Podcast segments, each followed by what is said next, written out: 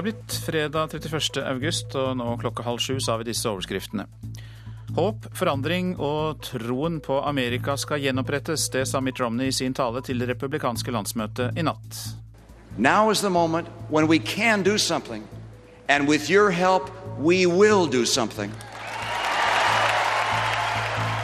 Beboere i Verdal i Nord-Trøndelag ble bedt om å holde seg innendørs mens politiet jaktet på bevæpnet mann i natt. Bergen har tjent på TV 2. Og Molde og Rosenborg er videre i Europaligaen etter seire i går kveld. Her i studio, Øystein Heggen.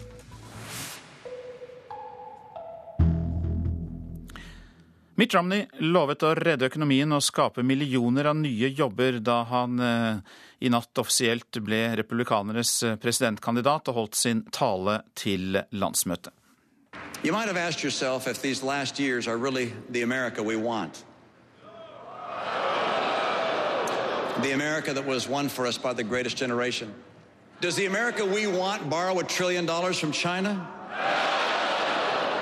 Does it fail to find the jobs that are needed for 23 million people and for half the kids graduating from college?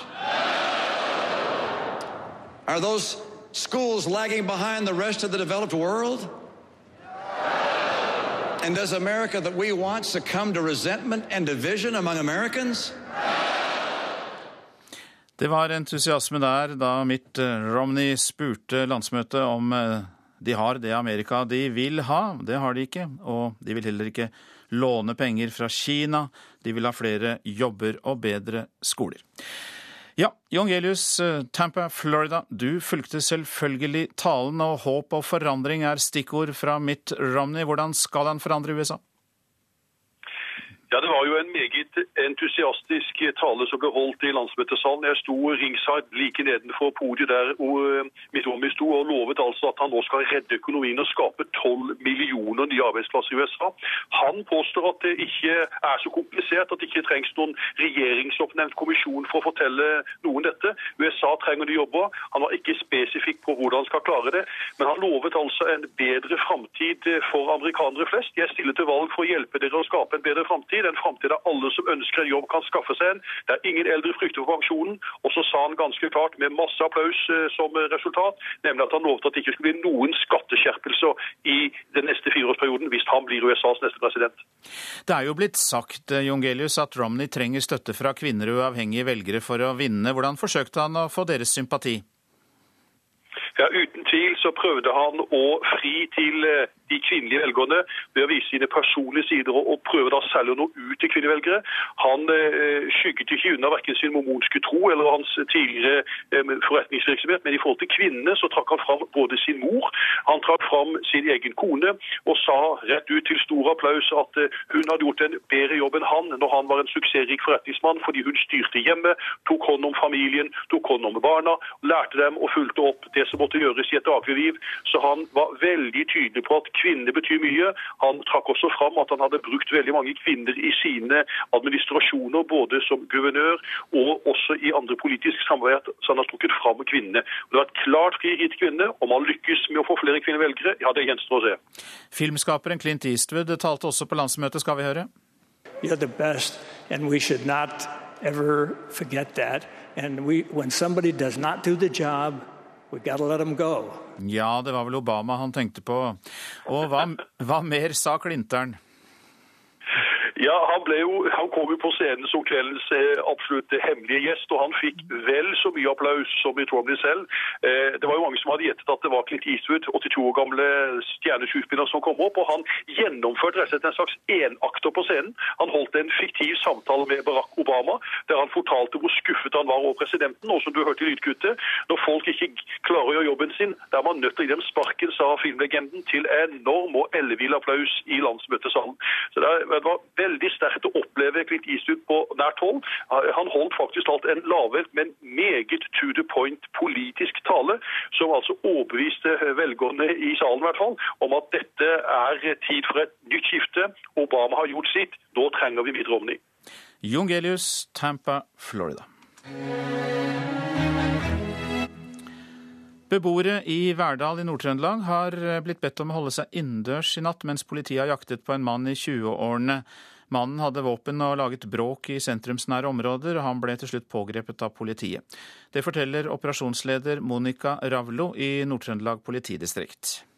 Rett før klokka fire fikk vi melding fra flere naboer i det området om en eh, utagerende og truende mann. Eh, da hadde han knust flere ruter i, flere leiligheter og boliger i området der. Eh, etter hvert fikk vi vitneobservasjoner på at han var i besittelse av noe som ser ut som et våpen. Og vi da har da iverksatt en, en væpna politiaksjon.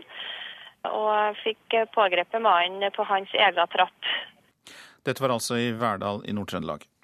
Norsk TV-produksjon hadde vært fattigere uten TV 2 i Bergen. For da Statskanalen fikk en konkurrent for 20 år siden, så skjøt produksjonsmiljøet på Vestlandet fart, og NRK ble tvunget til å tenke nytt.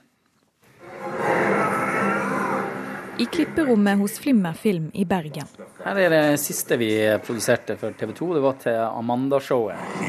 Et av flere uavhengige produksjonsselskap på Vestlandet som kan takke TV 2 for mye av sin eksistens. Det starta med TV 2. Det er helt klart for tolv år siden. Sier produsent Jonny Holmvåg. Og eh, siden da så har vi vel produsert over ti produksjoner for TV 2. Uten TV 2 hadde det ikke vært noen TV-industri på Vestlandet.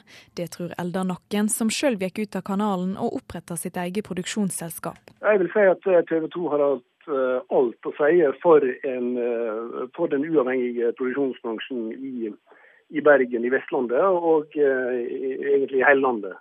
Det var ingen som kjøpte TV-programmer i særlig grad før TV 2 kom på banen.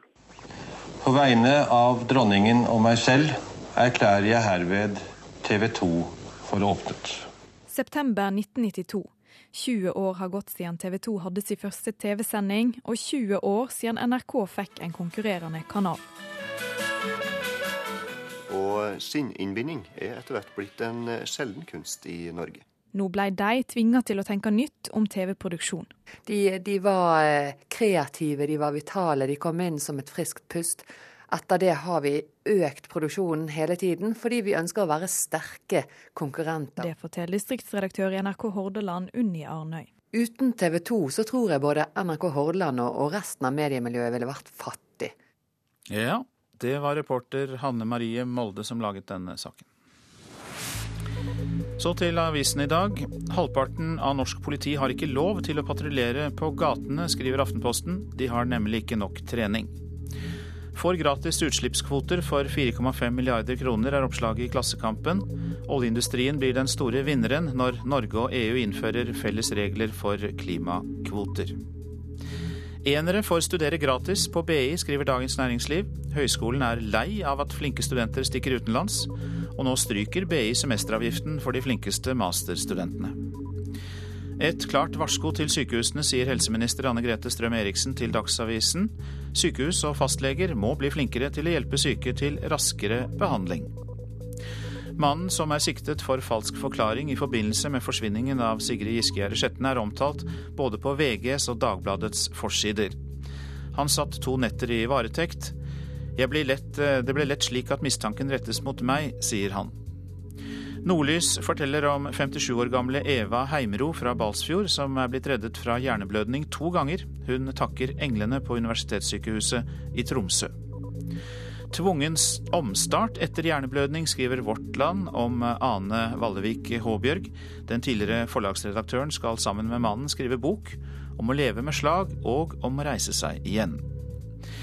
Jubelkvelden skriver Romsdal Budstikke om Moldes seier over Heerenveen og kvalifiseringen til Europacupen. Ole Gunnar Solskjær ønsker seg Liverpool i gruppespillet.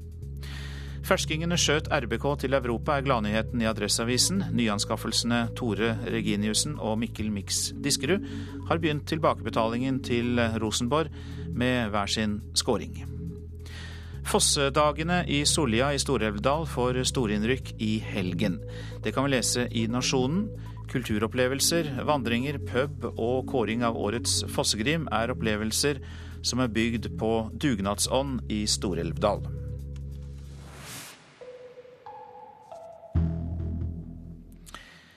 Vanligvis så hører de på Justin Bieber og Lady Gaga, men torsdag var det Henrik Ibsen som skulle underholde ungdommene fra Bamble.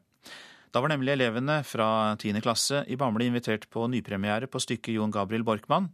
på Teater Ibsen i Skien. Og med et 100 år gammelt teaterstykke ble elevene overrasket.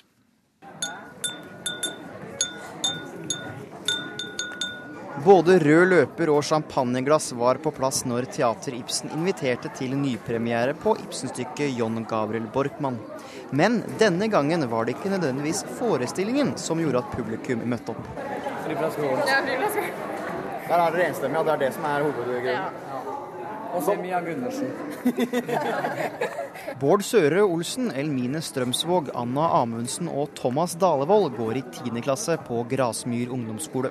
Og i høst har de Ibsen på timeplan. Men hva kan egentlig ungdommen om dramatikeren fra Skien? Hvis jeg sier at hvis man tar livsløgnen fra et gjennomsnittsmenneske, hva er det man også tar fra han da? Blanke. Det er ikke så lett. Da tar man lykken også fra han. Det er en sånn kjent Ibsen-sitat. Hvis jeg sier uh, Per, du lyver, da? Per, du Ja. Per Gynt, ja. Det var jo snart. Og så lurer jeg på om, uh, om dere veit, er Nora Helmer er det en folkefiende? Eh, ja. Var på den tida. Er dere sikre på at Nora Helmer var en folkefiende? Det var kona til uh, hovedpersonen i Dukkehjem. Ja, de gikk ikke i fella ungdommene fra Bamble. Men hva syns de egentlig om stykkene til Henrik Ibsen? Det er ikke så veldig gøy å lese når det står sånn merkelig gammelt norsk språk i boka, men eh, det er greit på teateret sånn, for da snakker de mer vanlig norsk.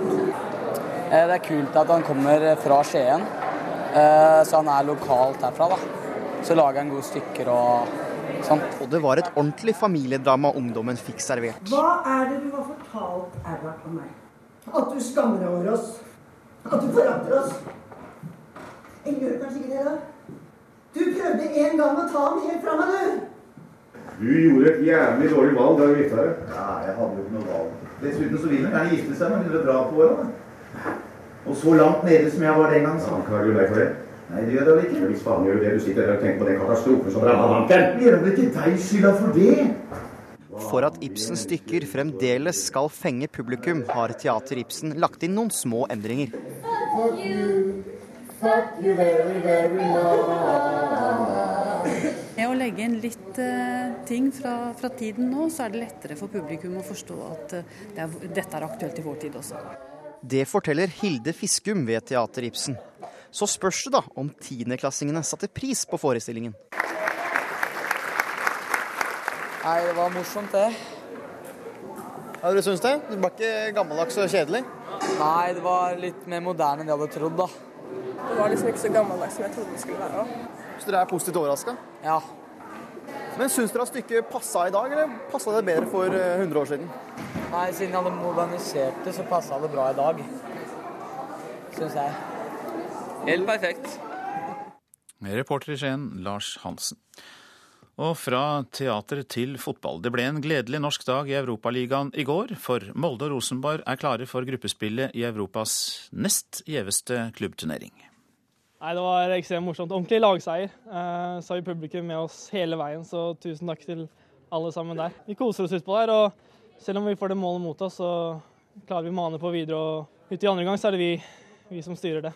Det sier matchvinner Mikkel Diskerud, som med sin 2-1-skåring tre minutter før full tid mot Legia Warszawa sendte Rosenborg til gruppespillet i Europaligaen.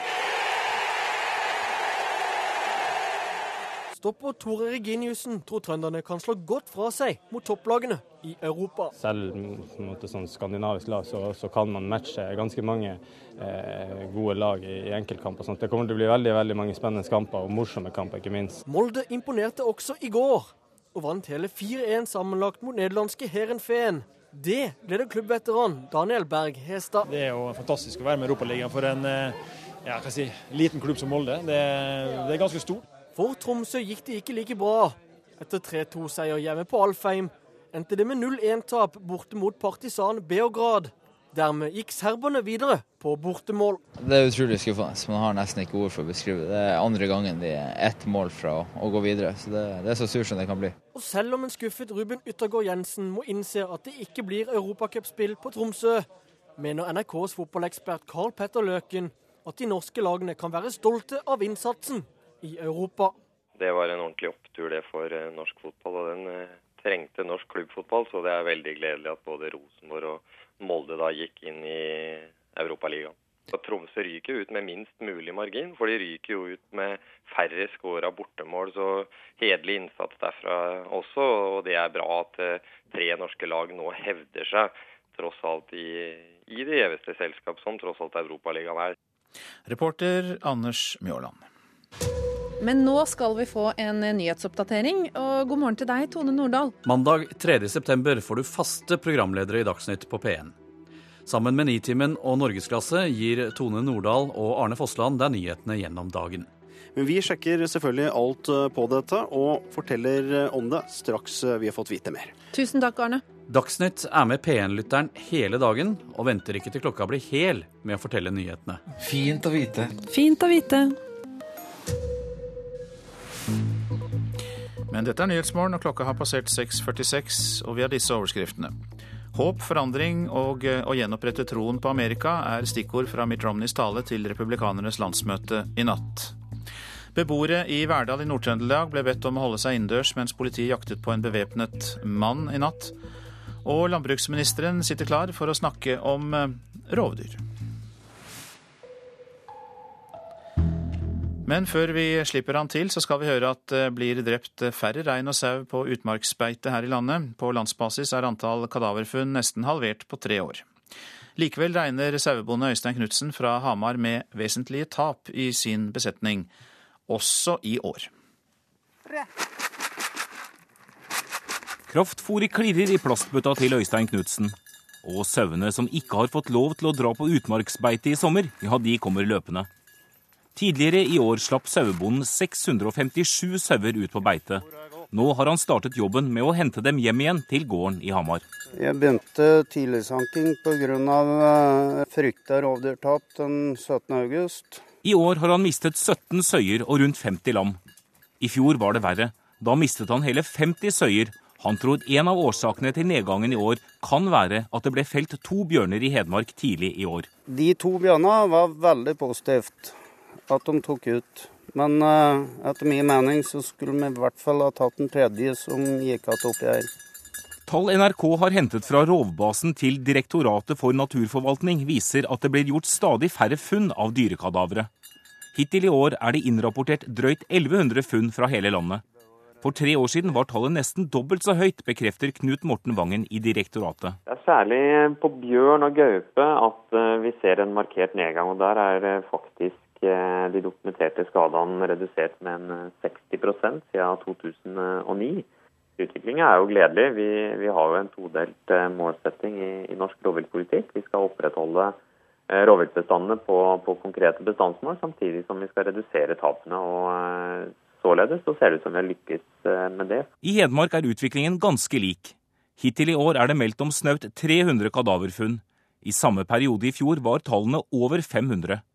Mye av forklaringen ligger i uttak av rovdyr, sier Stein Arne Brenneryen i Statens naturoppsyn i Hedmark. Jeg tok et søk i rovbasen eh, på døde rovdyr, bjørn, jerv, ulv og gaupe, fra 15.8.11 til 15.8.12. Da hadde det blitt tatt ut 42 av de fire store rovdyrene. Nedgangen i kadaverfunn til tross. Sauebonde Øystein Knutsen i Hamar vil få store tap også i år, og han mener det bør gjøres enda mer for å stoppe rovdyrenes herjinger i saueflokken. Det må tas ut mer rovdyr. Etter mitt, min mening så finnes det ikke en snill ulv. Og i forvaltningssyn så er, er en ulv snill til det motsatte er bevist.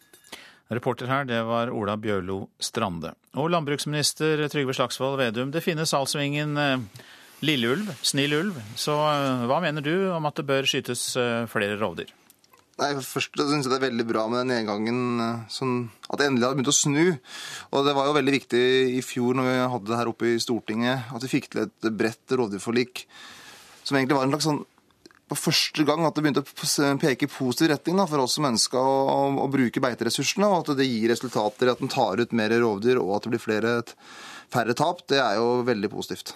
Ja, Nå var du jo flink politiker, Slagsvold Vedum, men du svarte ikke på spørsmålet. det var ikke meninga. Hva har du spurt om? Vedum? Jeg spurte bør det likevel skytes flere rovdyr, var spørsmålet. Ja, ja det, må det, det, må det gjøres framover. For at Eh, og det er ikke, ikke, minst det som man hører nå med, at man tar ut forebyggende.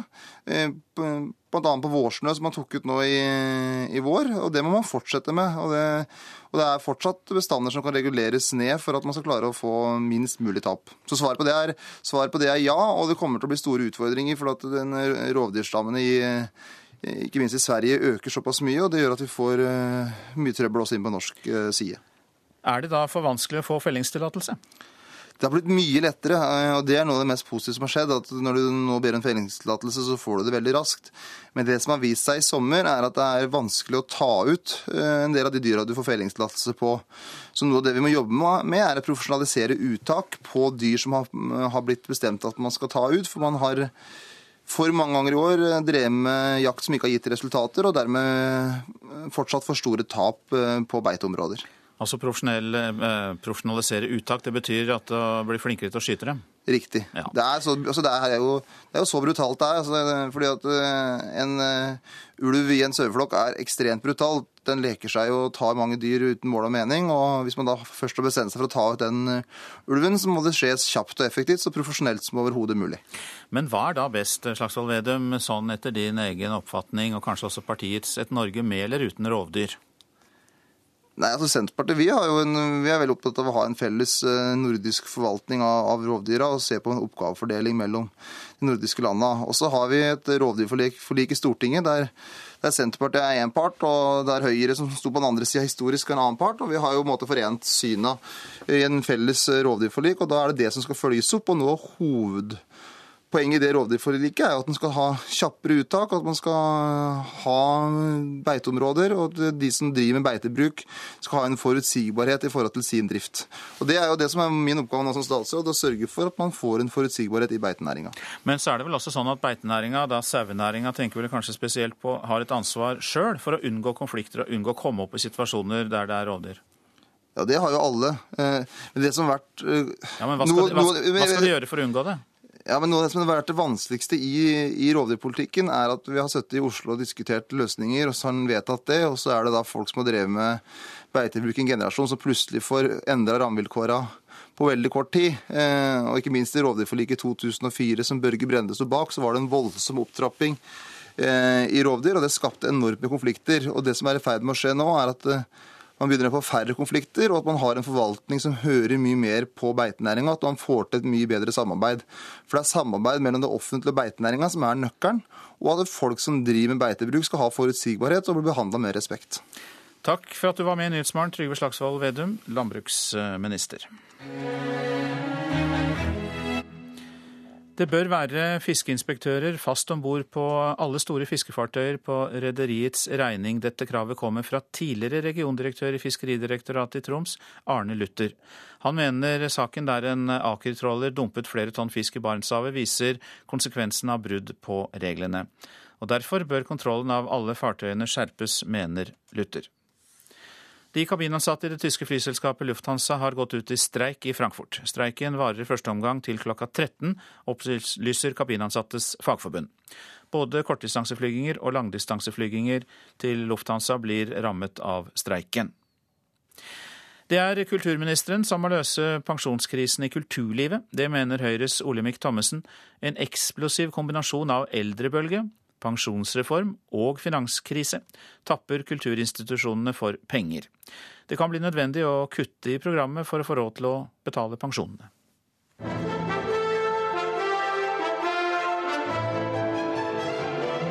I et uferdig konserthus er Stavanger symfoniorkester i full gang med å øve på høstens program. Musikken er som håndplukket til å akkompagnere orkesterets økonomiske situasjon. Bare på det siste året har pensjonskostnadene vokst med 25 millioner kroner, forteller direktør Trude Marit Risnes. Det sier seg selv at situasjonen er dramatisk. Programmet i det nye konserthuset kan bli slankere enn planlagt når vi skriver 2013. Det har allerede fått eh, bemanningsmessige konsekvenser, og vi har foretatt eh, kostnadskutt der det smerter minst. Eh, framover så vil det få konsekvenser som i tilbudet ut mot publikum og i forhold til orkesterets internasjonale satsing. Også direktør ved Den norske opera og ballett har kniven på strupen. Tom Remlov har allerede satt i gang et spareprogram, og forventer nå å få hjelp fra eieren sin, staten. Eh, vi forventer ikke noe ekstra tilskudd, men vi forventer eh, en, en bistand til å løse dette på en eller annen eh, måte. Um, og Det har vi fått signaler om at vi skal få, men selvfølgelig Kulturdepartementet er én av mange aktører nå i budsjettkampen. Så det er rett og slett litt mer spennende enn jeg egentlig ønsker å ha det, hva som blir utfallet når statsbudsjettet kommer. For i dag legges siste hånd på neste års statsbudsjett. Derfor kan ikke Kulturdepartementet si ennå hva som vil skje.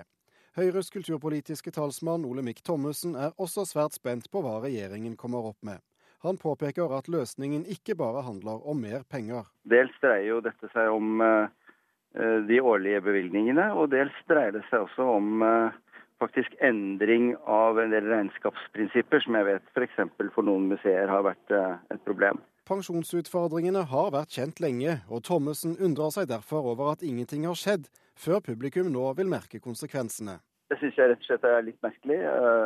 Jeg vil jo tro at dette må komme med høstens budsjett. Gjør det ikke det, så er det en betydelig forsømmelse. Kristelig Folkepartis kulturpolitiske talsmann understreker overfor NRK at mye også er opp til arbeidsgivere og fagforening. Og han får støtte av direktøren i Stavanger symfoniorkester. Nei, jeg tror de sentrale partene i arbeidslivet må sette seg sammen, ikke bare snakke om pensjon, men eh, lage en handlingsplan og gå og se på hvordan en kan gå fra denne ytelsesbaserte pensjonsordninga til en mer innskuddsbasert eh, pensjonsordning. Leder av Musikernes Fellesorganisasjon, René Rasmussen, blir gjerne med på diskusjonen. Men ikke før dagens utfordringer er ryddet opp i. Ansvaret for å ordne opp i denne akutte situasjonen den ligger hos eh, arbeidsgiverne, altså institusjonene, og hos Kulturdepartementet eller staten. Reporter Thomas Alvarstein Ove. Værvarselet for Norge fram til midnatt. Fjellet i Sør-Norge. Opphold og til dels pent vær. Lengst i øst perioder med mer skyet vær. Østlandet får stort sett opphold, til dels pent vær, men i østlige områder periodevis skyet. Det kan bli lokal morgentåke. Telemark og Agder på kysten vest for Lindesnes nordvestlig liten kuling, for det meste pent vær. Rogaland nordvest liten kuling på kysten, i kveld bris. Spredte regnbyger på kysten i nord først på dagen, ellers stort sett pent vær. Hordaland får enkelte regnbyger på kysten først på dagen, ellers stort sett pent. Sogn og Fjordane enkelte regnbyger, fra seint i ettermiddag skiftende bris, etter hvert stort sett pent vær. Møre og Romsdal minking til nordvest bris, enkelte regnbyger, i kveld skiftende bris, stort sett eh, pent vær. Trøndelag enkelte regnbyger, etter hvert stort sett pent. Helgeland, Saltfjellet, Salten og Ofoten kortvarig sørvestlig stiv kuling. Fra utpå dagen vestlig frisk bris, enkelte regnbyger. Lofoten og Vesterålen kan hende kortvarig stiv kuling i Lofoten først på dagen, og eh, regnbyger. Troms får sørøstlig bris, lokalt stiv kuling, i formiddag minkende vind. Litt regn i Troms, etter hvert også i eh, Nord-Troms. Minkende nedbør mot kvelden. Vest-Finnmark med vidda. Sørlig stiv kuling i utsatte fjordstrøk. I kveld sørvestlig frisk bris. Skyet fra i formiddag litt regn. Øst-Finnmark periodevis stiv kuling i nord, for det meste pent vær, men i ettermiddag tilskyende. I kveld litt regn i vest. Nordensjøland på Spitsbergen sørøstlig liten kuling utsatte steder, av og til stiv kuling. Fra utpå ettermiddagen sørvestlig bris, litt regn av og til.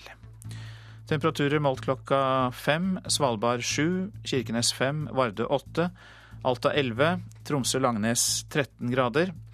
Bodø og Brønnøysund begge tolv, Trondheim-Værnes elleve, Molde 9, Bergen-Flesland 8, Stavanger 9, Kristiansand-Kjevik 10.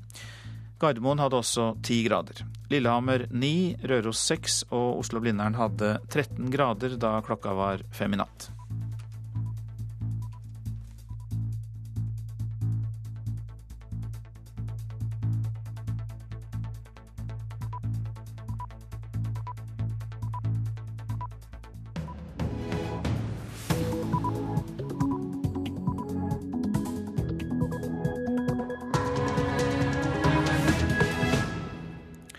Lytter til Nyhetsmorgen på P2 og Alltid nyheter, og nå klokka sju så har vi en nyhetsoppdatering.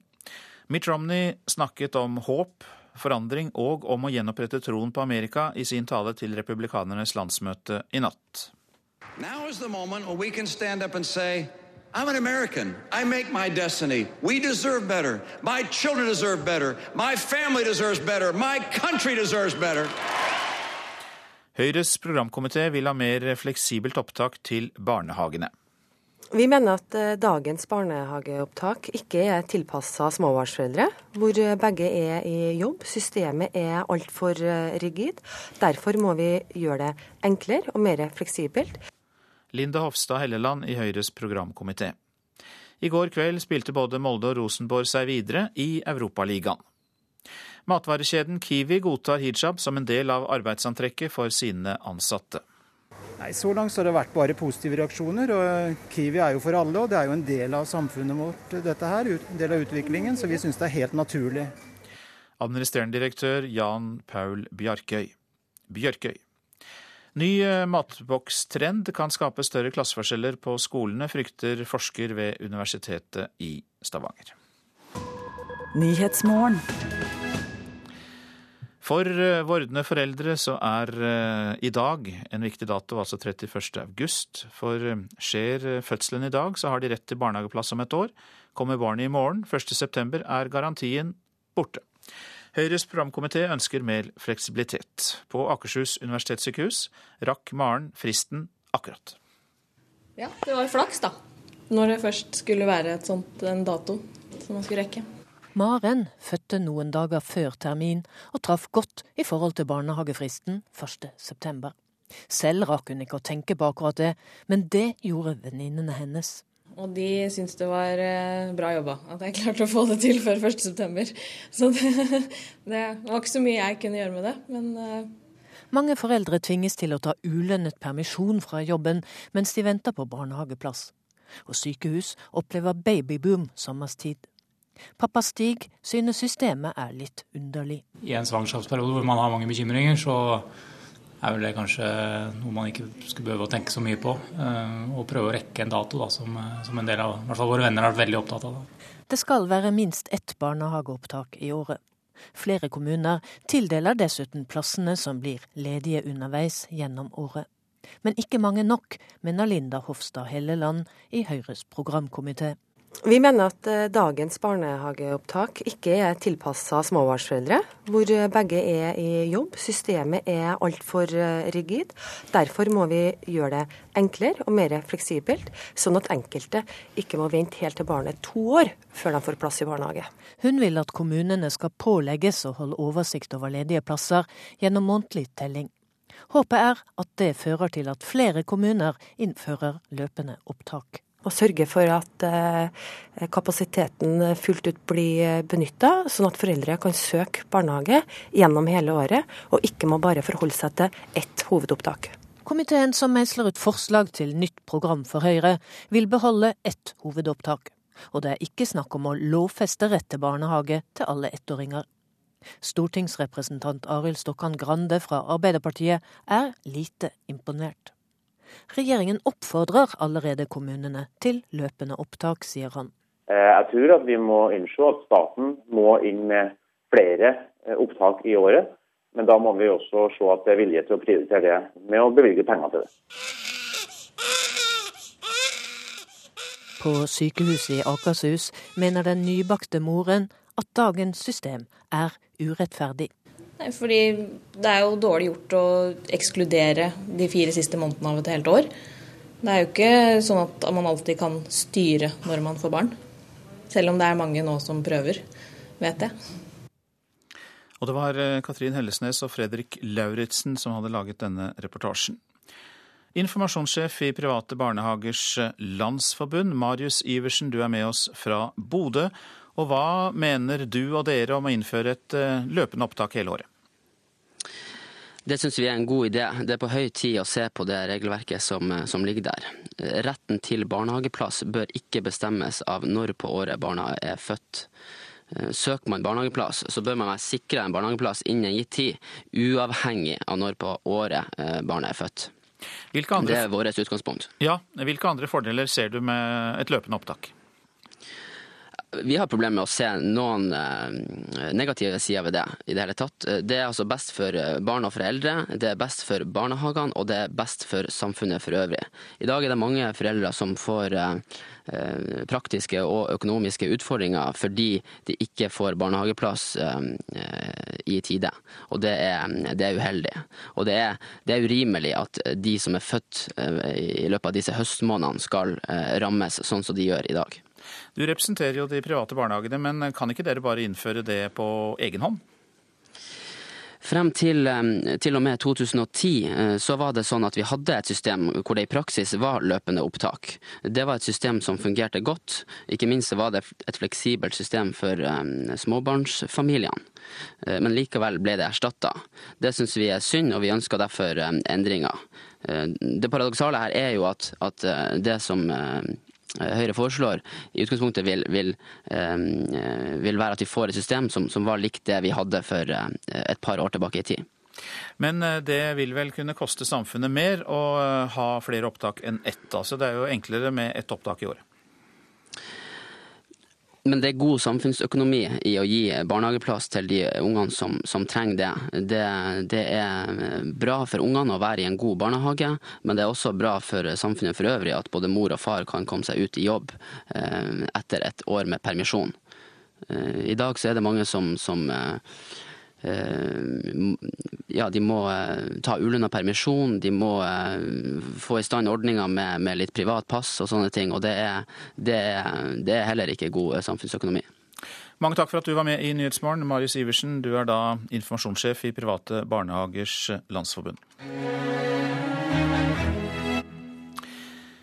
Ja, republikanernes presidentkandidat eh, han lovet å redde økonomien og skape millioner av nye jobber da han eh, i natt offisielt ble republikanernes presidentkandidat og holdt tale til landsmøtet. You might have asked yourself if these last years are really the America we want. The America that was won for us by the greatest generation. Does the America we want borrow a trillion dollars from China? Does it fail to find the jobs that are needed for 23 million people and for half the kids graduating from college? Are those schools lagging behind the rest of the developed world? And does America that we want succumb to resentment and division among Americans?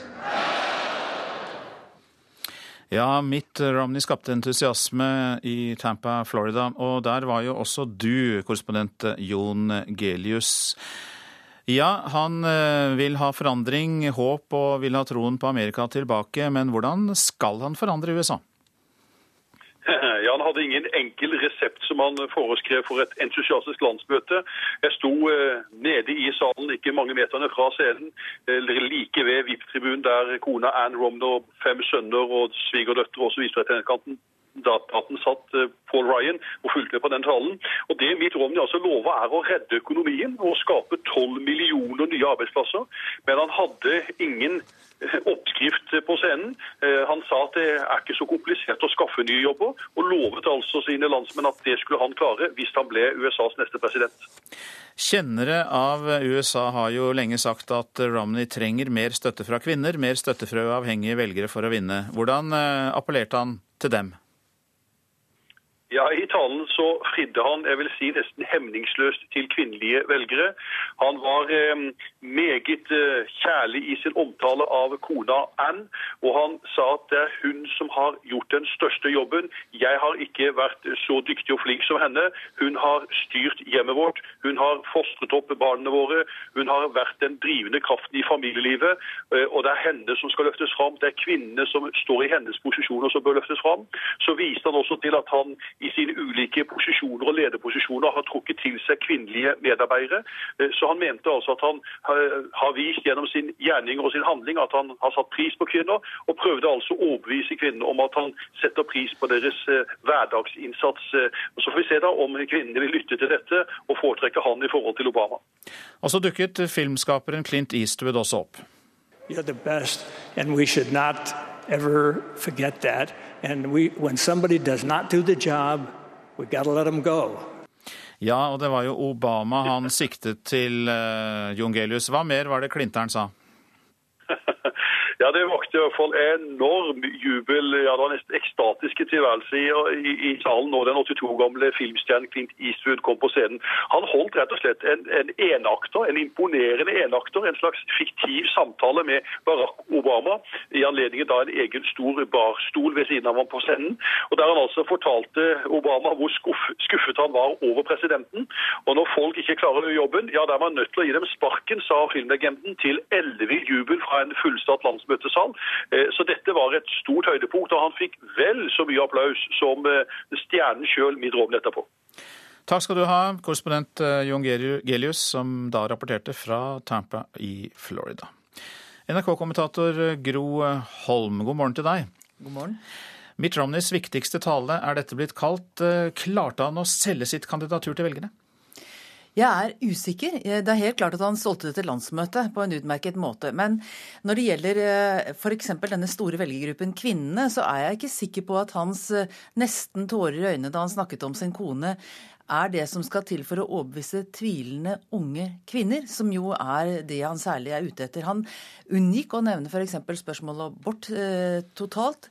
Og der, jo, der, er det republikanske partiet ikke helt eh, enig med seg selv. Mitt Ronny har blitt kritisert for å ha gått for langt i å ville akseptere eh, abort på visse medisinske grunner. Eh, så, så, her eh, det lot han være å nevne. Når det gjelder økonomien, 12 millioner nye arbeidsplasser på fire år. Det er 250 000 arbeidsplasser nye hver eneste måned. Og så er det spørsmål vil velgerne tro på det? Ingen har noensinne gjort noe slikt før ham. Eh, det skal veldig mye til, fordi han også samtidig jo sier at han ikke vil øke skattene. Dvs. Si at han vil ikke bruke mer offentlige penger. Han kan selvfølgelig omdisponere, men da innenfor ganske begrenset rom. Så det er spørsmål velger, velger velgerne å tro eh, på hans budskap. Han var veldig lite konkret på hvordan han skal nå disse målene. Ja, dette med å skape flere arbeidsplasser var jo helt sentralt. Og eh, var det andre ting han sa som skulle skape det han nå etterlyser, altså håp, forandring og tro på Amerika igjen? Ja, Han appellerer jo veldig til eh, small business, altså små foretak. Eh, og han, han, eh, hans oppskrift er jo en nedenfra og opp-stimulering av økonomien. Eh, hvor altså det med uh, å unnlate å ilegge nye skatter er det viktigste virkemidlet. Bortsett fra det hadde han egentlig ikke noen eh, klar oppskrift på hvordan dette skal skje, hvordan han skal stimulere økonomien. Og det tror jeg kan bli et av de mer liksom kritiske punktene. Han, han eh, havner på en måte litt midt imellom å appellere til følelsene, appellere til folks tro på hans gode intensjoner, eh, og at han virkelig er en dyktig forretningsleder, eh, og, og en klar oppskrift på hvordan skal dette skje. Eh, folk må på en måte stole på at han har klart det før. Han klarte å redde OL i Salt Lake City. Han har en record som en veldig flink forretningsmann. Men tror de dermed at han vil klare eh, å styre AS eh, Amerika inn i virkelig, en virkelig bedre framtid der dette er spørsmål om tro like mye som kunnskap? Det er helt sikkert. Et bitte lite spørsmål til slutt, Gro Holm. Var det noe plass til utenrikspolitikk her? Veldig lite. Han eh, snakket om Israel, omfavnet Israel, kritiserte Iran, kritiserte Obama for eh, å ha villet ha dialog. Nærmest vært litt naiv, han brukte ikke det ordet, men det var det som lå under. Naiv når det gjaldt muligheten for å snakke med iranerne. Eh, og så sier han man har brukt sanksjoner eh, andre steder. Hvorfor eh, tror man ikke enda hardere til der? Mange takk for eh, hjelpen til å forstå denne talen i denne omgang, eh, vår kommentator Gro Holm. Ja, Du lytter til Nyhetsmorgen. Klokka den passerte 7.14 eh, nettopp, og dette er hovedsaker. Ja, Mitt Romney talte til republikanernes landsmøte i natt. Han snakket om håp, forandring og om å gjenopprette troen på Amerika.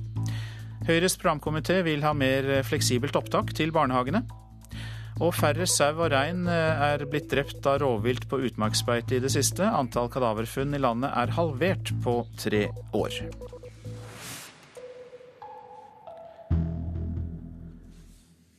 Nå skal vi høre at Statoil kan rammes av terrorisme om de leter etter olje i et omstridt eh, grenseområde. Det frykter i hvert fall en Somalia-ekspert etter at flere afrikanske aviser har meldt at det norske oljeselskapet er på vei til Kenyas kyst.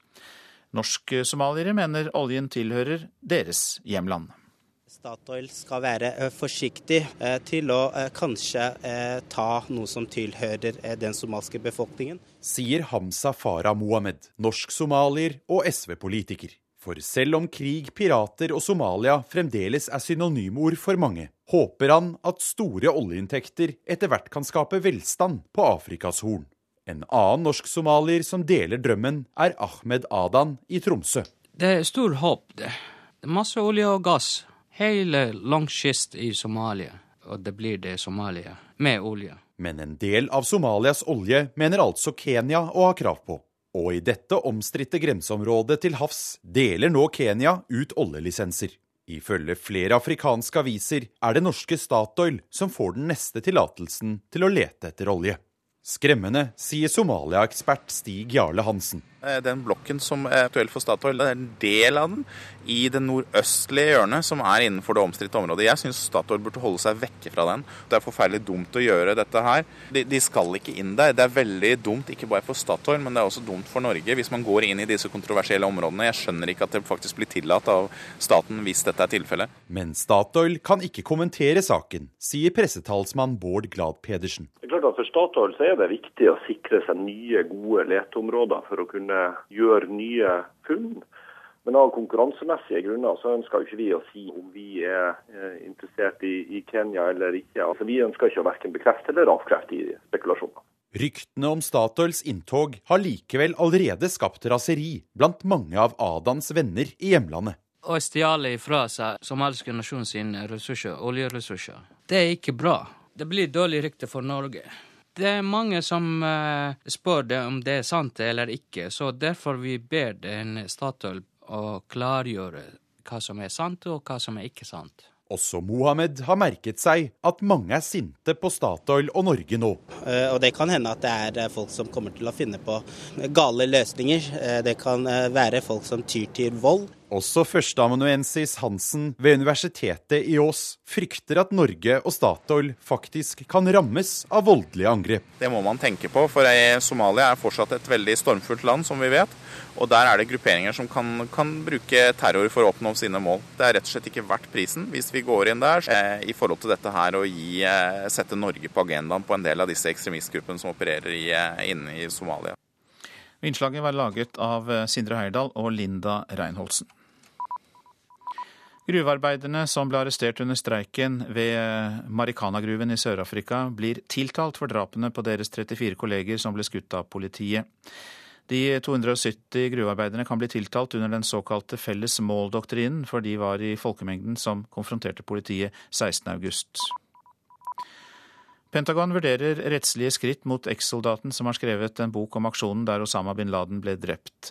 Den tidligere spesialsoldaten deltok i aksjonen mot terrorlederen i Pakistan, og kommer til uka med boka No Easy Day. Det amerikanske forsvarsdepartementet mener forfatteren har brutt avtaler om hemmelighold da han skrev boka. Mexicos valgdomstol har godkjent presidentvalget i sommer og avvist kravet fra valgtaperen Andres Manuel Lobes Obrador om at det må erklæres ugyldig. Og Det betyr at eh, valgvinneren Enrique Pena Nieto nå kan starte jobben som ny president i Mexico. FN sier nei til krav fra Tyrkia og Syrias nasjonalråd om å opprette humanitære korridorer i eh, Syria.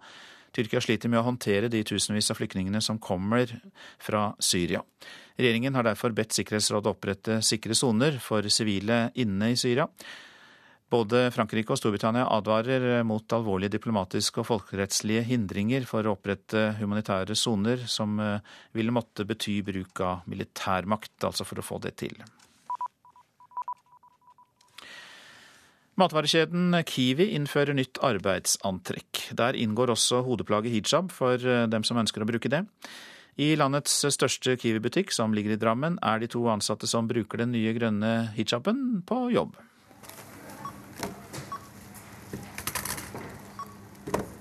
Sayeda Mahmoud jobber i denne Kiwi-butikken på Åssiden i Drammen. Hennes arbeidsoppgaver er varierte.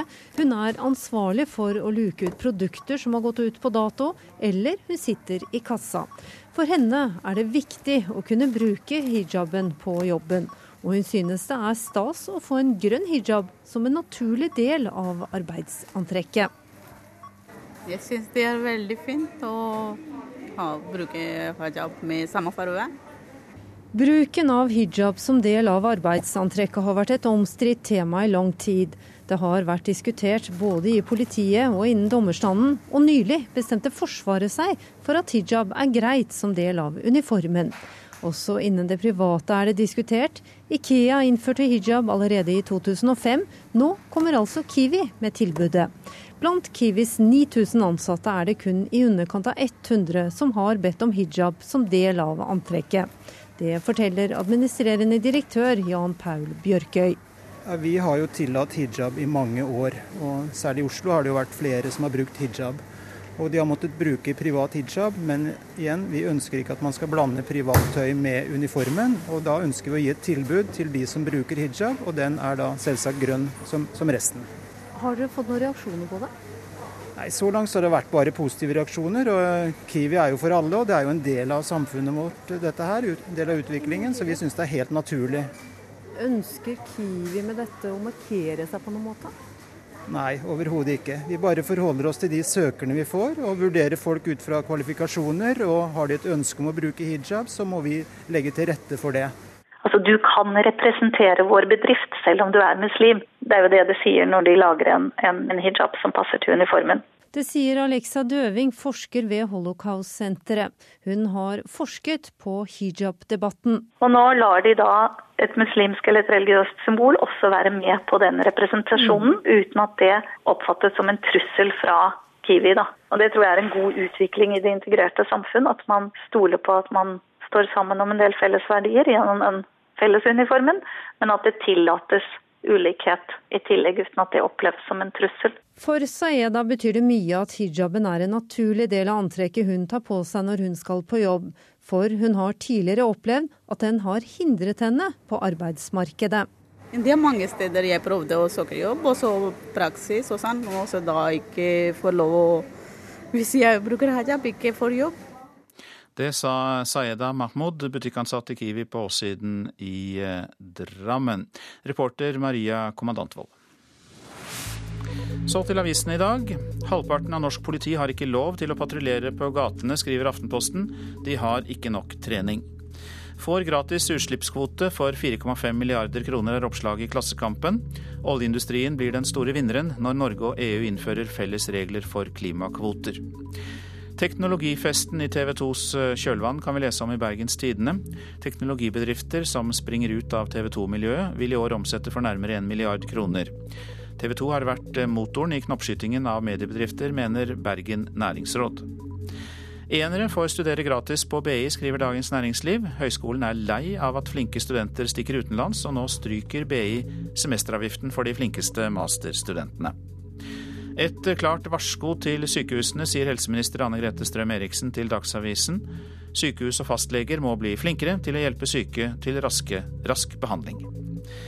Mannen som er siktet for falsk forklaring i forbindelse med forsvinningen av Sigrid Giskegjerde Skjetne, er omtalt på både VGs og Dagbladets forsider. Han satt to netter i varetekt. Blir lett slik at mistanken rettes mot meg, sier han. Nordlys forteller om 57 år gamle Eva Heimro fra Balsfjord, som er blitt reddet fra hjerneblødning to ganger. Hun takker englene på Universitetssykehuset i Tromsø.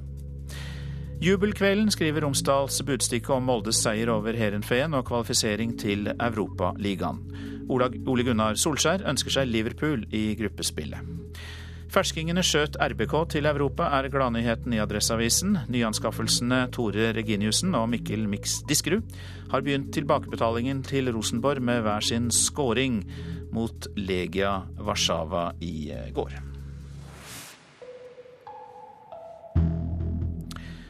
Skolematten består ikke lenger av to svette skiver i matpapir. Nå får barna med seg store, velfylte matbokser. Men det kan bli for mye av det gode, ifølge forsker ved Universitetet i Stavanger, som frykter større klasseforskjeller på skolene. På Sola skole i Stavanger går ingen sultne i eh, barn i annen klasse, i alle fall.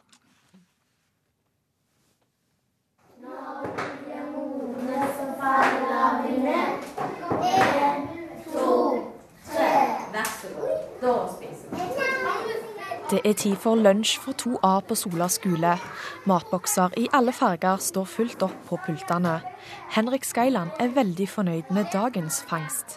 Ost, brød, smør, eh, glepse, agurk, pølse, ost, jordbær. Eh, alt det. Du klarer å spise opp alt det? Mm -hmm. Lærer Mette Vatne Johansen forteller at foreldre de siste åra er blitt mer bevisste på hva de sender med ungene. Det kan jeg svare ja på med en gang. Og de får mye frukt med seg, og de får masse grønnsaker, og de gjerne skårer opp, og det ser skikkelig lekkert ut. Men noen gir seg enda mer flid enn dette. Flere og flere mødre sender med barna rene matkunstverk. Liv Kirsten Henningsen er mor til to som var ganske småspiste, men det var før hun søkte råd på nett. Og fant vel ut at her var det ei bok som het I boks. Eh, sprang ut og kjøpte den og noen små bokser og litt sånne småting. Og så googla jeg og begynte å lage de samme pakkene. Og nå får barna gjerne gulrøtter trykt ut som små bokstaver. Små bokser med mandler, jordbær, sukkererter, yoghurt med musli og et spennende egg. Da koker du egg på vanlig måte. Eh, skraller dette mens det er varmt. Og så hiver du oppi sånn hjerteform, da, som jeg har i dag. Eh, hiver det oppi i kaldt vann i denne forma, og, og så blir det et hjerte. Friske barn må kunne spise vanlig mat som ser ut som vanlig mat. Altså, det er jo noe galt hvis de ikke skal kunne spise eh, en fiskekake som ser ut som en fiskekake. Det sier Elisabeth Linn Melby, ernæringsfysiolog og forsker ved Universitetet i Stavanger. Hun tror mange foreldre kjenner på et press når det gjelder matboksen de sender med barna. Ja, det tror jeg. For vi, jo, vi leser om dette fenomenet i, i avisene, vi ser eh, på nettet, på blogger og sånn.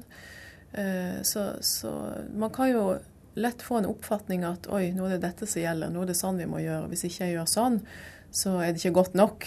Og Camilla Kristiansen, som jobber på Kitchen på Amfimadla, forteller om stor interesse fra mødre. Det har blitt veldig sport med de bitte små boksene som du kan fylle opp med litt frukt og litt nøtter og litt grønnsaker og yoghurt og alt mulig. De spør også ofte etter eh, matbokser som er delt opp i andre små rom. Eh, dessverre så har vi ikke fått inn det ennå. Vi, vi, merker pågangen på at det begynner å bli veldig populært, så vi håper vi får inn det ganske snart. Det første gangen jeg lagde denne matpakken, da, så lagde vi bilde på Facebook. Og da eh, får jeg veldig mye positiv respons. Og det er jo egentlig det jeg vil. Egentlig så vil jeg jo at alle skal begynne med dette her og få sunne og friske unger. Og stress jeg, jeg, Noen syns gjerne at det er stress, at de ser på det som stress, men det er gjerne ofte de som ikke har prøvd sjøl. Eh, det tar som sagt ikke mye tid. En at du må passe på at du har ingrediensene i hus. Litt frukt, litt grønnsaker og Hvorfor så stille, lille persille? Kanskje du skulle på Ernæringsfysiolog Melby frykter større forskjeller i klassene framover. Det kan jo ikke være så greit for de ungene som kanskje har en helt ordinær, eller kanskje en til og med dårligere matpakke enn en helt ordinær matpakke med seg. Altså, Du vil jo tydeligere kunne se klasseskiller.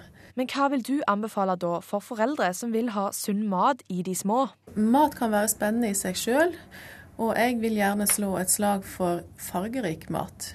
Så det er liksom det. Det er min hjertesak. Ja til fargerik mat. Reporter her, det var Samina Bruke. Og med det samme vi er i Rogaland, så nevner vi at Magnhild Meltveit Kleppa har søkt eh, stillingen som fylkesmann i Rogaland etter Tora Aasland. Det bekrefter Kleppa overfor Stavanger Aftenblad. Søknadsfristen til fylkesmannjobben den gikk ut i, i går. Etter Dagsnytt skal vi høre mer om at franske påtalemyndigheter vil etterforske om Yasir Arafat ble forgiftet. Og hvorfor blir det bråk når oljeministeren uttaler seg? Det skal Ola Borten Moe svare på selv i Politisk kvarter. Prosent for Nyhetsmorgen er Ane Gjørem, her i studio Øystein Heggen.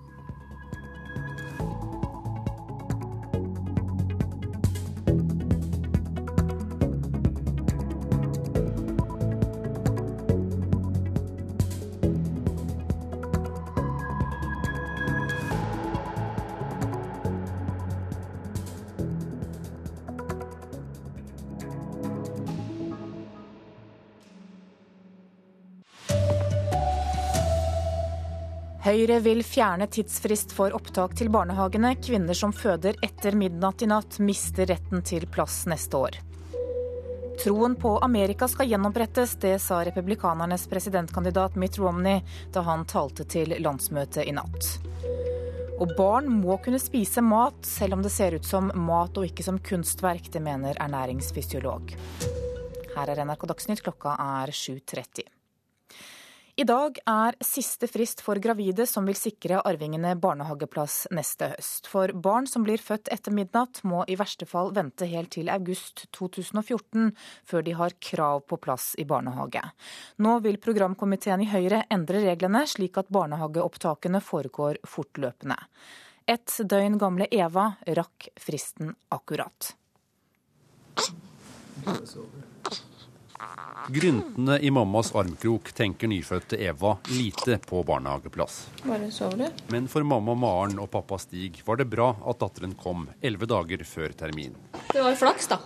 Når det først skulle være sånt, en dato som man skulle rekke. Men hva tenker dere om at det er en sånn uh, dato? Det fremstår som litt rart at det er en uh, dato i september som skal avgjøre om du får barnehageplass året etter eller ikke. Systemet er altfor eh, rigid.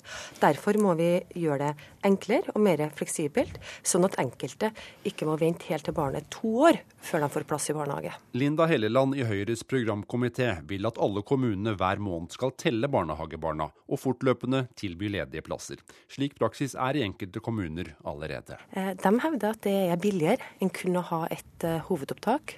Og det er ganske naturlig å tenke også når man får månedlige telletidspunkt, sånn at man får utnytta hele kapasiteten i alle barnehagene i kommunen. Arild Stokkan Grande sitter i Stortingets familie- og kulturkomité for Arbeiderpartiet. Han åpner for å endre systemet med kun ett hovedopptak på høsten. Så vurderer vi også å øke antall opptak som lovmessig krav men da må vi også eh, bevilge det over statsbudsjettet, sånn at kommunene er i stand til å tilby det. Enn så lenge fortsetter dagens ordning. Og for dem som fødes etter midnatt, kan ventetiden på en barnehageplass bli lang. Og reportere her var Katrin Hellesnes og Fredrik Lauritzen. Informasjonssjef Magnus Iversen i Private barnehagers landsforbund er enig i at det er på høy tid å innføre et løpende barnehageopptak hele året. Det er på høy tid å se på det regelverket som, som, ligger der. Retten til barnehageplass bør ikke bestemmes av når på året barna er født. Søker man barnehageplass, så bør man være sikra en barnehageplass innen en gitt tid, uavhengig av når på året eh, barnet er født. I dag er det mange foreldre som får eh, praktiske og økonomiske utfordringer fordi de ikke får barnehageplass eh, i tide. Og det er, det er uheldig. Og det er, det er, urimelig at de som er født eh, i løpet av disse høstmånedene skal rammes sånn som de gjør i dag. Så skal vi til Tampa i Florida. Mitt Romney lovte å redde økonomien og å skape millioner av nye jobber da han i natt norsk tid offisielt ble republikanernes presidentkandidat. Romney hevdet at Barack Obama har feilet og ikke holdt løftene fra fire år tilbake, og han lovet amerikanerne en bedre fremtid. It's a great honor. It's an even greater responsibility. And tonight I'm asking you to join me to walk together to a better future. USA-korrespondent Jon Gelius, du er i Tampa og fulgte talen til Romney i natt. Hvordan skal han skape en bedre fremtid for USA? Ja, Han leverte ingen eh, resept i landsmøtetalen sin, men han sier altså at han vil redde økonomien og skape 12 millioner nye arbeidsplasser. På hvilken måte? Ja, så Det var han ikke særlig konkret på. Men han sier altså at det burde være enkelt og ikke komplisert å skaffe nye arbeidsplasser, og lover altså å gjøre sitt hvis han blir USAs neste president. Hvor overbevisende var han i talen i natt? Ja, Dette er jo å regne som uh, Romneys uh, livs viktigste tale, hans viktigste tale i den politiske karrieren så langt. Og mange av kommentatorene mener han innfridde, at han leverte en solid tale, hvor han både var personlig, fortalte om sin bakgrunn, sitt forretningsliv, og samtidig prøvde å vise en ny vei i, i amerikansk framtid, hvor han altså lover kutt i det offentlige, og ikke minst sier at det skal ikke bli noen skatteøkninger for mellomklassen i Amerika. Og hva sier de siste meningsmålingene nå om kampen mellom Romney og Obama? Ja, De ferskeste nasjonale meningsmålingene tyder fortsatt på at det er relativt dødt løp mellom Barack Obama og Mitt Romney. Men den aller siste meningsmålingen som er kommet ut nå, viser faktisk alt at Romney de siste dagene er i ferd med å få et lite forsprang i forhold til Barack Obama. Men du må huske på, det er mange meningsmålinger. Landsmøtet har gitt en viss effekt antageligvis nå. Først om noen dager vil vi se om nattens tale også gir et byks på meningsmålingene for eh, Mitt Romney. Akkurat nå så er de fleste meningsmåler relativt dødt løp mellom de to herrene, som om to og en halv måned kjemper om å bli USAs neste president. Det rapporterte USA-korrespondent Jon Gelius fra Tampa. Statoil kan rammes av terrorisme dersom de leter etter olje i et omstridt grenseområde. Det frykter en Somalia-ekspert etter at flere afrikanske aviser har meldt at det norske oljeselskapet er på vei til kysten av Kenya. For norsk-somaliere mener oljen tilhører deres hjemland. Statoil skal være eh, forsiktig eh, til å eh, kanskje ta noe som tilhører den somalske befolkningen. Sier Hamza Farah Mohammed, norsk-somalier og SV-politiker. For Kenya deler nå ut oljelisenser i et område mange somaliere mener er deres. Ifølge flere afrikanske aviser er det norske Statoil som får den neste tillatelsen til å lete etter olje. Skremmende, sier Somalia-ekspert Stig Jarle Hansen. Eh, den blokken som er aktuell for Statoil, det er en del av den i det nordøstlige hjørnet som er innenfor det omstridte området. Jeg syns Statoil burde holde seg vekke fra den. Det er forferdelig dumt å gjøre dette her. Men Statoil kan ikke kommentere saken, sier pressetalsmann Bård Glad Pedersen. Av konkurransemessige grunner så ønsker ikke vi å si om vi er eh, interessert i, i Kenya eller ikke. Altså, vi ønsker ikke å verken bekrefte eller avkrefte i spekulasjoner. Men selv om Statoil ikke kan bekrefte ryktene, har Mohammed merket seg at mange somaliere nå er sinte på Statoil. Eh, og Det kan hende at det er eh, folk som kommer til å finne på gale løsninger. Eh, det kan være folk som tyr til vold. Også førsteamanuensis Hansen ved Universitetet i Ås frykter at Norge og Statoil faktisk kan rammes av voldelige angrep. Reportere her det var Sindre Heyerdahl og Linda Reinholdsen.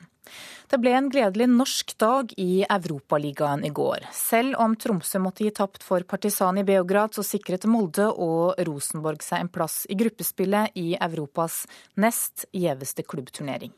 Nei, Det var ekstremt morsomt. Ordentlig lagseier. Eh, så har vi publikum med oss hele veien, så tusen takk til alle sammen der. Vi koser oss utpå der, og selv om vi får det målet mot oss, så klarer vi å mane på videre. og Ute i andre gang så er det vi, vi som styrer det. Det sier matchvinner Mikkel Diskerud, som med sin 2-1-skåring tre minutter før full tid mot Legia Warszawa sendte Rosenborg til gruppespillet i Europaligaen.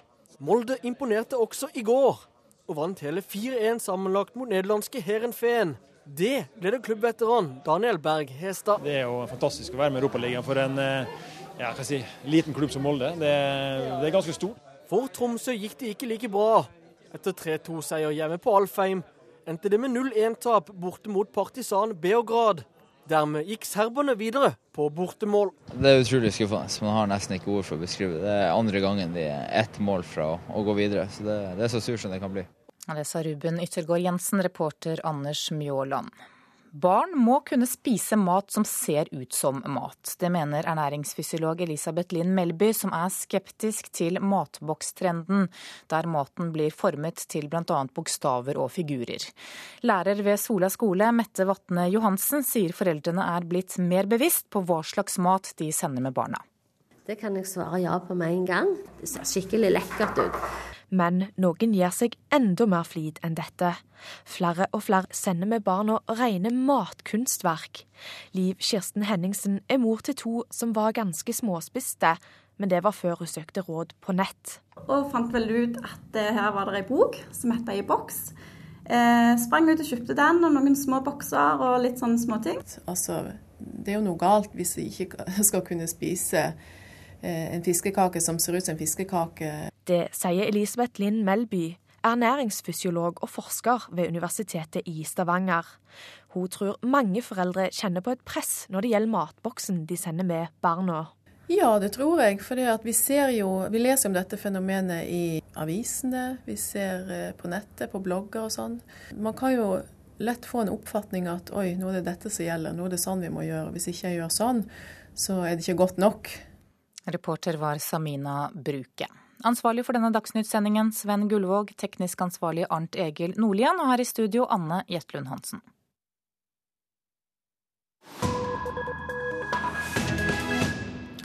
Nesten ti år etter at han døde på mystisk vis, vil franske påtalemyndigheter etterforske påstandene om at tidligere PLO-leder Yasser Arafat ble drept. Det skal vi høre om i Nyhetsmorgen nå. Arafat ble akutt syk, og i løpet av noen uker døde han sammen med, med familien rundt seg og et trettitalls leger. Siden har spekulasjonene om hans død fått eh, fritt spillerom. Han virka jo sliten han virka prega, han hadde denne skjelvingen. Vi reagerte ikke og tenkte ikke at han skulle være spesielt syk. Sier Martin Holter, som traff Yasir Arafat noen uker før han døde. Han var leder for Fellesutvalget for Palestina. Sånn der og da så spurte jeg han om uh, han var bekymret for sin egen sikkerhet. Og jeg opplevde vel nesten litt sånn umiddelbart på han selv at det kanskje ikke var helt rett spørsmål å stille til en mann som hadde gjennomlevd uh, det meste, da. Jeg er her for å kjempe og vinne, sa Arafat den gang omverdenen så på ham som en terrorist og flykaprer. Dette var før noen hadde hørt om Oslo-avtalen, før han hadde tatt israelske statsledere i hånda, og lenge før han ble valgt til palestinernes første president. Han var en beryktet geriljaleder fra han på slutten av 50-tallet etablerte Fatah, og siden ble leder for PLO og deres kamp for egen stat. Nobody can uh, uh, squeeze me to surrender. Etter hvert vekket han sympati for sin kampsak. Da han i 1974 ble invitert til å tale i FN, var det en viktig anerkjennelse. Først på 80-tallet gikk han med på forhandlinger med Israel. Mange husker håndtrykket med Israels statsminister Itzak Rabin foran Det hvite hus i 1993. Året etter mottok de Nobels fredspris. Da fredsforhandlingene brøt sammen noen år etter, startet en ny voldsbølge. Israel bygget muren på Vestbredden, angivelig for å hindre selvmordsaksjoner. Dette er et grovt angrep på landet vårt. Det er rasistisk og helt uakseptabelt, sa Arafat, som på den tiden satt i husarrest og hadde flere dødstrusler hengende over seg. Kort tid etter ble Yasir Arafat uforklarlig syk. Klokken 03.30 på morgenen den 11. november 2004 døde han. Saken kunne ha stoppet der, men i fjor gikk kona Soa med på å la den arabiske TV-kanalen Al-Jazeera granske eiendelene hans. De tok det med seg til et sveitsisk laboratorium og gjorde interessante funn. We took several samples at different locations and uh, the conclusion was that we,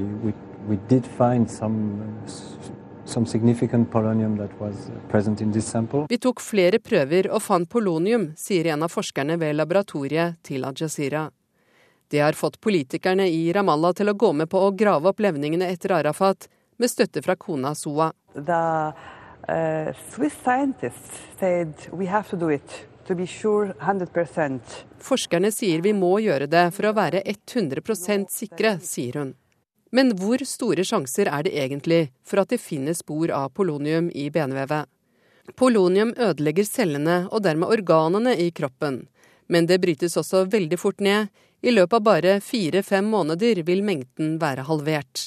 I utgangspunktet så, så, skal det veldig mye til at eh, det kan påvises så lang tid etter. Sier seksjonssjef ved Statens strålevern, Anne Liv Rudjord, om mulighetene for å finne det radioaktive stoffet i Arafats levninger det er kanskje en millionte, ca. en milliontedel av det radioaktive stoffet igjen. Så det er veldig liten andel som eventuelt er igjen. Men den franske forhørsdommeren er i gang med å etterforske påstandene, og enken hans er overbevist om at noen der ute er skyldige i mannens død. Who owns uh, uh, polonium? Who owns? Which country owns polonium? There's not 100 countries that owns polonium. Reporter Åse-Marit Befring. Dette er Nyhetsmorgen, og dette er hovedsakene. Mitt Romney ble valgt til republikanernes presidentkandidat i natt. Han lover å redde økonomien og skape nye arbeidsplasser. Høyres programkomité vil ha mer fleksibelt opptak til barnehagene. Færre sau og rein ble drept av rovvilt på utmarksbeite, men landbruksminister Trygve Slagsvold Vedum mener det fortsatt bør skytes flere rovdyr.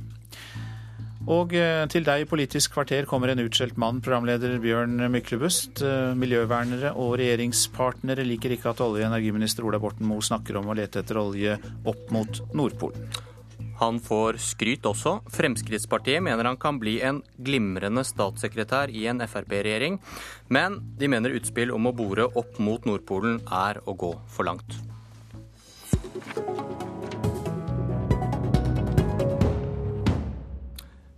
Velkommen, olje- og energiminister Ola Borten Moe. Jo, takk for det. Hvorfor blir det så ofte bråk rundt dine uttalelser?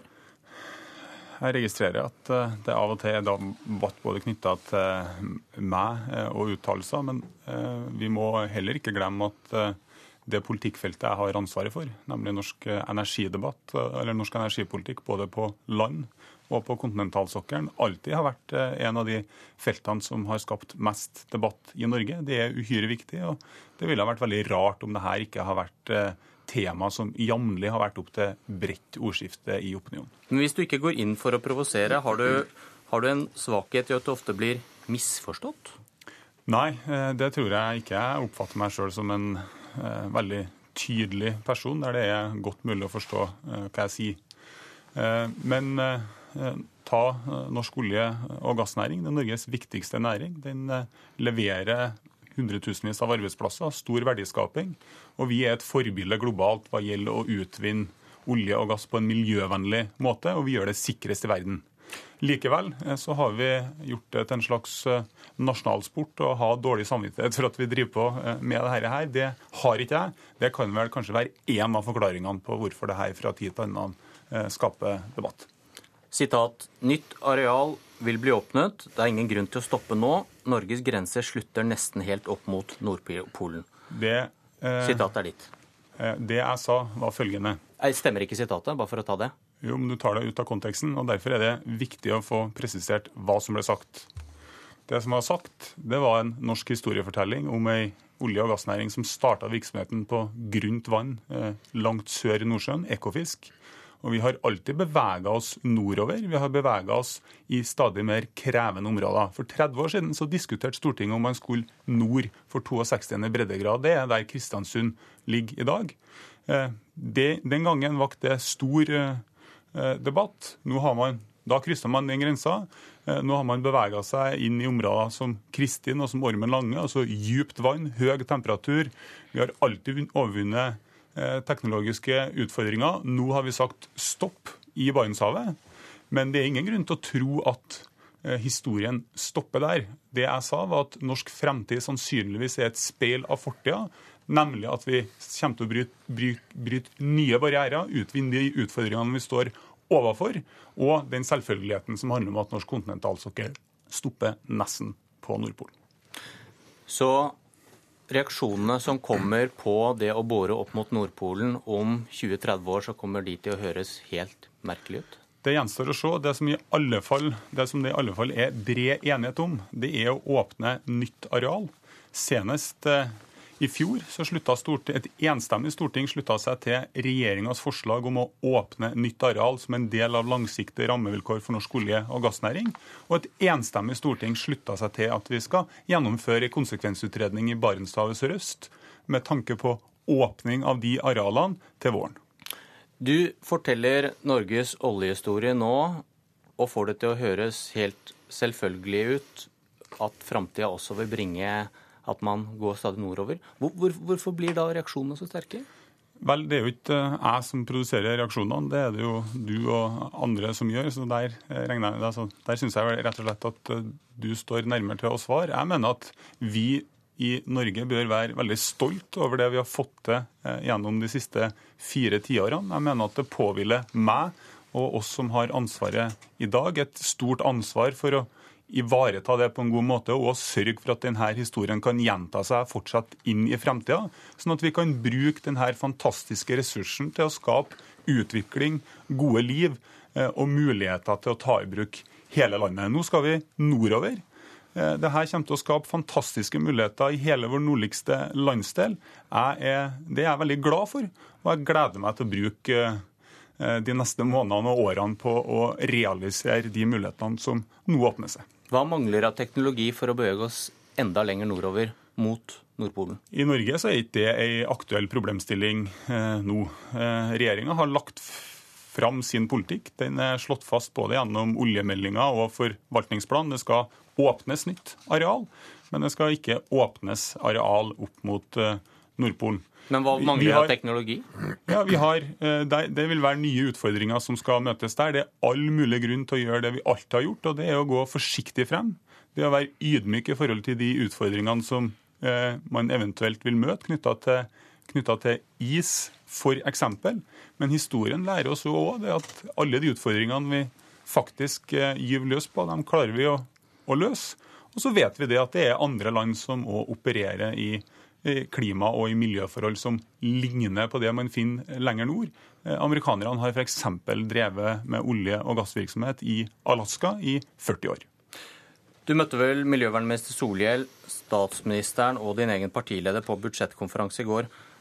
Ba de om en forklaring? Jeg opplever at eh, regjeringas politikk eh, er usedvanlig tydelig på dette feltet. Men det, er, det jeg spurte om, ba du om en forklaring på Nordpolen-utspillet ditt? Altså, Jeg opplever at regjeringens politikk er usedvanlig tydelig. Det var ikke det jeg spurte om. Jeg har alltid fremma det som er regjeringas politikk. Regjeringas politikk er lagt på plass gjennom forvaltningsplanen og petroleumsmeldinga. Har fått enstemmig tilslutning i Stortinget. Sjølsagt er det ingen som avklarer meg forklaring for å gjøre akkurat det. Og det gjorde de heller ikke i går. Eh, Miljøvernminister Solhjell fra SV han har sagt, eh, etter at han leste da det du, det du, det du hadde sagt i Stavanger Aftenblad, at dette vil aldri bli rød-grønn politikk. Og Det betyr vel at SV og Senterpartiet vil skille lag en gang. Og det mistenker mange der for å være mer enn komfortabel med. Altså Det er ei samla regjering eh, som har lagt fram både forvaltningsplanen og petroleumsmeldinga. Det er ei samla regjering som sier at vi skal åpne nytt areal som en del av stabile og forutsigbare rammevilkår for Norges viktigste eh, næring. Det er vel noen som holder seg for nesa her? Ja, Jeg er ikke en av dem. og Jeg mener at eh, regjeringas politikk ligger fast og er, og er tydelig. Hvem står du nærmest i olje- og energipolitikken? Solhjell eller Solvik-Olsen? Det er veldig viktige med norsk eh, olje- og energipolitikk. Eh, og det, det, som har vært viktig med den over mange årtier, det er stabiliteten. Nå svarer du Nå, ikke på spørsmålet ditt. Jo, fordi at det var et samstemmig storting som har slutta seg til dette. Det er ei samla regjering som har lagt frem de her forslagene. Det skaper stabilitet og forutsigbarhet for en industri som er uhyre langsiktig, uhyre kompetansekrevende, og som krever forutsigbarhet. Det er veldig bra. og Det betyr at det er ikke verken jeg eller norsk olje- og gassindustri trenger å forholde oss til enkeltpersoner i politikken, men et samla politisk miljø som støtter opp under eh, det som er politikken. Ok, Jeg har skaffet hjelp for å få svar på det siste spørsmålet. Ketil Sjovik-Olsen, parlamentarisk nestleder i Fremskrittspartiet, velkommen. Takk for det. Hvis det blir regjeringsskifte neste høst, så mener du at Borten Moe bare kan skifte kontor i departementet? Han kan gjerne få bli statssekretær i en uh, regjering der Frp er med. Fordi at uh, mye av den politikken han fører nå, stort sett alt, er politikk som Fremskrittspartiet argumenterte for i fem-seks år før han ble statsråd. Da fikk vi mye kjeft for det fra ulike av hans forgjengere. Nå ser vi at mye av det han gjennomfører, er det som òg Fremskrittspartiet har argumentert for, og det er veldig bra. Han sier han har lagt fram en petroleumsmelding som hele Stortinget slutter seg til. Og det er riktig, men det var den første petroleumsmelding denne regjeringen la fram. De hadde altså ikke avklart disse strategiene før han. Det viser jo at han har hatt en gjennomslagsevne som eh, rød-grønn regjering tidligere ikke har klart å få til.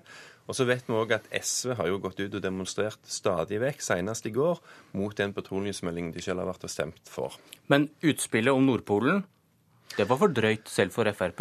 Ja, Nå setter han det inn i en litt bedre kontekst, som gjør at jeg syns at dette Nå er han på FrPs linje igjen? Ja, altså for at nå, nå roer han dette litt. Grann. Jeg syns det er nødvendig i dag å gå ut og ta en konflikt om, om Nordpolen, fordi at vi har mer enn nok områder langs, altså nærmere kysten som er interessante. Og vi vet sjøl hvordan vi som nordmenn reagerte når russerne begynte å plante flagg eh, nær Nordpolen.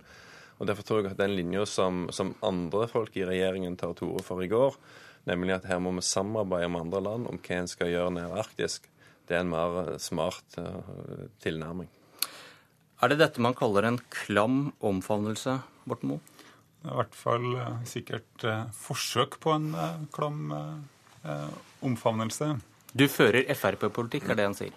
Nei, jeg fører regjeringas politikk, og jeg fører eh, Senterpartiets eh, politikk. Eh, Senterpartiet har en lang historie i norsk olje- og gasspolitikk for å bidra til fornuftig og forsiktig ressursutnytting, og for at vi skal kunne ta i bruk de her ressursene til beste for hele folket. Det mener jeg at jeg gjør. Det gjorde Marit Arnstad når hun forberedte delprivatiseringa av Statoil. Det gjorde Eivind Reiten eh, når man var med på å legge fram oljefondet. Det gjorde Per Borten når Hydro ble eh, hjemkjøpt sent på 60-tallet og etablert som det første oljeselskapet. Det har vi tenkt å fortsette med og har lang tradisjon for. Du nevnte ikke, du nevnte ikke Åslaug Haga? Jo, Åslaug Haga har levert viktige bidrag i forhold til å sette den fornybare delen av porteføljen på eh, dagsorden. Det bærer frukter den dag i dag. Nå har vi etablert et grønt sertifikatmarked, og vi har kommet dit vi har sagt vi skal komme, nemlig iverksettinga av en fantastisk utbygging av fornybar energi over hele landet. Og der skiller du og din sidemann lag når det gjelder fornybarsatsing? Jeg opplever at også Fremskrittspartiet slutta seg til regjeringas politikk på det feltet. Det er veldig hyggelig å se at eh, vi får støtte for de forslagene som vi legger frem. Altså der, når det gjelder grønne sertifikat, så var Fremskrittspartiet kjempepositiv til det. Problemet var at regjeringen har sabotert innholdet ved at det er mer attraktivt å investere i Vi tar ikke den debatten nå. Nei. Men når det, gjelder, når det gjelder historikken her, så litt av grunnen til at jeg er veldig glad for Ola Borten Moe, er jo nettopp at jeg opplevde hans tre forgjengere. Og de førte en helt annen politikk. Åslaug Haga sto nærmere SV enn en Fremskrittspartiet når det gjaldt oljepolitikk. Så her har vi fått et betydelig linjeskifte. Og alle som leser gamle innstillinger fra når Senterpartiet var i opposisjon under Bondevik-regjeringen, ser at den politikken som Ola Borten Moen nå fører, er den politikken som Senterpartiet i opposisjon advarte imot. Og Derfor syns jeg det er helt korrekt at jeg får lov til å Belegg det, vær konkret der. Vi, vi satt jo i posisjon i Bondevik-regjeringa. Ja, unnskyld, ja, men Bondevik II-regjeringen var dere ikke en del av. Men, men, men ta, vær, vær, konkret der. Hva var ja, det de var for da, som hvis, de nå er mot? Hvis du, hvis du leser innstillingen både til utbygging av Snøhvitfeltet, som Senterpartiet var imot, og klimameldingen som Bondevik-regjeringen la fram i 2002, så advarte de mot ytterligere oljevirksomhet i, i nordområdene. De advarte til med mot å bygge gasskraftverk med CO2-rensing, fordi at CO2-en kunne bli brukt til trykkstøtte og dermed bedre økonomien hvis en begynte å lete etter olje. Og Derfor vil en altså ikke ha CO2-rensing i Nord-Norge, fordi at det kunne medføre ytterligere oljevirksomhet. Nå har vi en annen oljeminister som har en stolt tilnærming til denne næringen. Og det er jeg kjempepositiv til, både som Frp-er og som en som har vokst opp på bensinstasjon og derfor glad i olje. Eh, Senterpartiet var skeptisk til utbygging av Snøhvitfeltet. Først og fremst grunnet energiløsninga, som jo er et eh, gasskraftverk eh, i nord. Nå er vi i ferd med å elektrifisere store deler av norsk petroleumsnæring, eller i hvert fall større deler av norsk petroleumsnæring. Det reduserer utslippene i Norge betydelig. Eh, og det gir et marked for eh, fornybar energi. Så det her bildet har endra seg betydelig eh, de siste årene. Og Det gjør òg at politikken sjølsagt blir satt i et annet lys. Jeg tilhører jo en politiker, eller så er en politikertype som mener at når virkeligheten forandrer seg, så må du òg kunne forandre standpunkt. Mm. Det er viktig. Fremskrittspartiet har ikke bestandig den samme eh, tilnærminga til norsk politikk. Ja, det syns jeg var sleivete, så den gidder jeg ikke kommentere. Men vi vet jo hvilken debatt som pågår i Senterpartiet nettopp om en skal få partiprogrammet til å samsvare med politikken Ola Borten Moe nå fører, eller ikke. Og Det hadde en jo en debatt om i dette programmet på mandag. Ja, da, da, da, da, må jeg få lov til å spørre om det før vi snart avslutter her. Ola Borten Moe, det er nå usikkert om Senterpartiet vil endre syn på boring utenfor Lofoten og Vesterålen. Noen vil åpne for en konsekvensutredning. Hva vil du? Det skal jeg eh, tilkjennegi etter at vi er ferdig med kunnskapsinnhentinga. Eh, vi kjører nå i regi av bl.a. Olje- og energidepartementet ganske omfattende kunnskapsinnhentinger i nord. Vi har skutt uh, seismikk i sommer, og vi gjør store beregninger for hvilke konsekvenser en eventuell virksomhet kan komme til å få i, i området. Jeg mener det er riktig å avvente den informasjonen før man tar beslutning. Det er åpenbart at beslutninger og viktige beslutninger som dette skal man ha kunnskap før man gjør. Og så er det alltid, også i mitt eget parti, diskusjon rundt disse spørsmålene. Det mener jeg er sunt og viktig. Ja eller nei, er det for lite rom til å tenke høyt i norsk politikk? Det er i alle fall en uh, tendens uh, til å divergere inn mot uh, sentrum av norsk politikk i visse høve.